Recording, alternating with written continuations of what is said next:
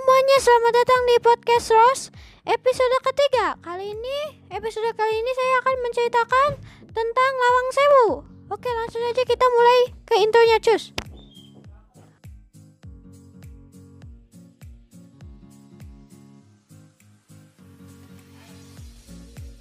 Sini saya akan menjelaskan tentang sejarahnya aja, bukan nuansa keangkerannya ya. Oke, langsung aja kita ke penjelasannya ya. Berarti pintu seribu. Empat tahun yang lalu, gedung yang dibangun Belanda untuk kantor Netherlands Indische Spoorwegen atau NIS, perusahaan kereta api terbesar Hindia Belanda ini amat tak terawat. Kumuh serta gelap dan kental dengan aroma mistis. Chris Dani yang sudah menjadi pemandu wisata sejak tahun 2000 mengatakan, semenjak tidak di lagi ditempati TNI Angkatan Darat Kodam 4 di Ponegoro dari tahun 1980, gedung ini mulai kumuh dan angker. Di situlah mulai beredar cita-cita horor. Sudah gedungnya kuwung, rusak, masuk bawah tanah sampai jam 12 malam bisa parah lagi. Hampir dua hari sekali kesurupan. Tuturnya, menurutnya saat itu berupa pemandu wisata juga memparah memperparah kondisi dengan sering menyebarkan cerita mistis. Padahal semua benar. Ia mengatakan pada saat itu belum ada standar standarisasi pemandu dari Lawang Sewu. Namun semenjak 2010 mulai diperhatikan lagi. Lawang Sewu kembali diambil alih oleh industri. Oleh berkereta, berkereta apian yaitu PT KAI di bawah daerah operasional atau DAOP 4 Semarang. Lawang Sewu pun kembali dicitrakan sebagai gedung yang menyimpan banyak sejarah berharga. Renovasi dan restorasi total mulai tahun 2009. Sel selesai satu tahun setelahnya, mulai 2011 pemandu wisata diberikan pelatihan dan sinkronisasi informasi serta data-data bersejarah Lawang Sewu. Peraturan demi peraturan pun dibuat. Saat itu sebetulnya udah gak boleh lagi kita cerita mistis yang berbau-bau horor pokoknya ujar Chris Dani bawah tanah yang menjadi ciri khas mistisnya gedung ini pun ditutup per Agustus 2014. Setelah itu juga mulai diperbanyak bukti-bukti sejarah perkeretaapian di Indonesia dari catatan sejarah yang ada di sana. Gedung ini merupakan salah satu kantor perusahaan kereta api terbesar. Di sini juga terdapat jalur kereta api tua di Indonesia. Kepala Humas PT KAI Daop 4 Suprato mengatakan saat ini Lawang Sewu fokus menyadik, menyajikan wisata edukasi khususnya sejarah perkeretaapian. Selain itu juga harus memberikan rasa aman dan nyaman baik malam maupun siang hari harus memberikan rasa aman dan nyaman sehingga pengunjung juga bisa menikmati nuansa malam di Lawang Sewu. Tentunya harus dibangun image-nya, citranya sebagai tempat destinasi wisata karena keindahannya, bukan mistisnya. Pungkas Suprapto di saat dihubungi Kompas Travel di hari yang sama. Ia mengatakan pembangunan program pembentukan citra tersebut seperti menjadikan Lawang Sewu sebagai tempat penggelaran kesenian dari seni ketoprak, wayang hingga fashion show. Dari data yang dikelola kantor Lawang Sewu, kini pengunjung yang datang ke kantor Lawang Sewu mencapai 5.000 orang sehari saat akhir pekan. Sementara itu pada hari biasa pengunjung bisa menyampai 1000 sampai 2000 orang. Segitu aja podcast kali ini. Bagi yang mendengarkannya YouTube, jangan lupa di like, like, share, dan subscribe. Dan yang ke YouTube ingin beralih ke Spotify, linknya ada di deskripsi. Oke, saya gitu aja. Goodbye. Dadah.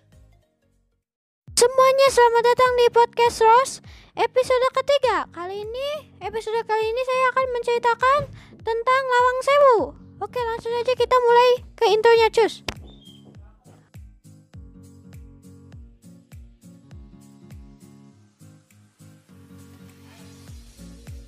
Sini saya akan menjelaskan tentang sejarahnya aja, bukan nuansa keangkerannya ya. Oke, langsung aja kita ke penjelasannya ya.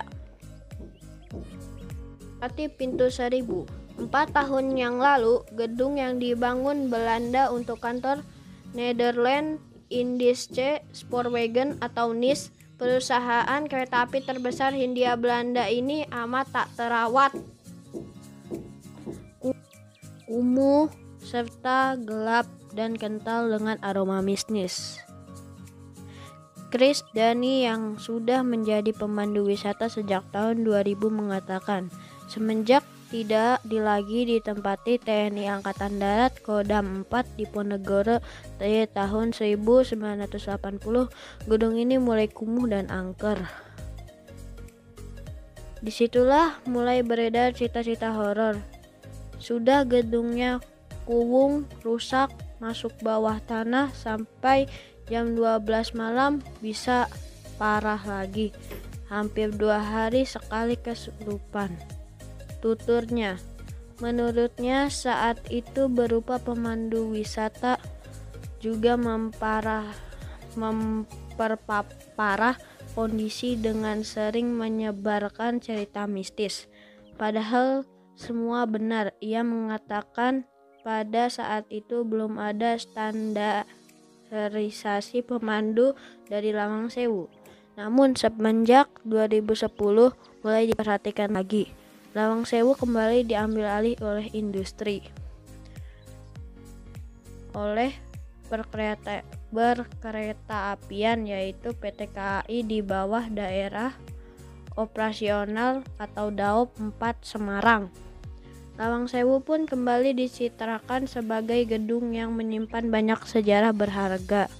Renovasi dan restorasi total mulai tahun 2009. Sel selesai satu tahun setelahnya, mulai 2011 pemandu wisata diberikan pelatihan dan sinkronisasi informasi serta data-data bersejarah Lawang Sewu. Peraturan demi peraturan pun dibuat. Saat itu sebetulnya udah gak boleh lagi kita cerita mistis yang berbau-bau horor pokoknya ujar Chris Dani Bawah tanah yang menjadi ciri khas mistisnya gedung ini pun ditutup per Agustus 2014. Setelah itu juga mulai diperbanyak bukti-bukti sejarah perkeretaapian di Indonesia.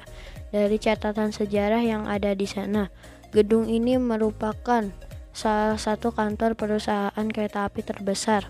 Di sini juga terdapat jalur kereta api tua di Indonesia. Kepala Humas PT KAI Daop 4 Suprato mengatakan saat ini Lawang Sewu fokus menyadik, menyajikan wisata edukasi khususnya sejarah perkeretaapian. Selain itu juga harus memberikan rasa aman dan nyaman baik malam maupun siang hari harus memberikan rasa aman dan nyaman sehingga pengunjung juga bisa menikmati nuansa malam di Lawang Sewu.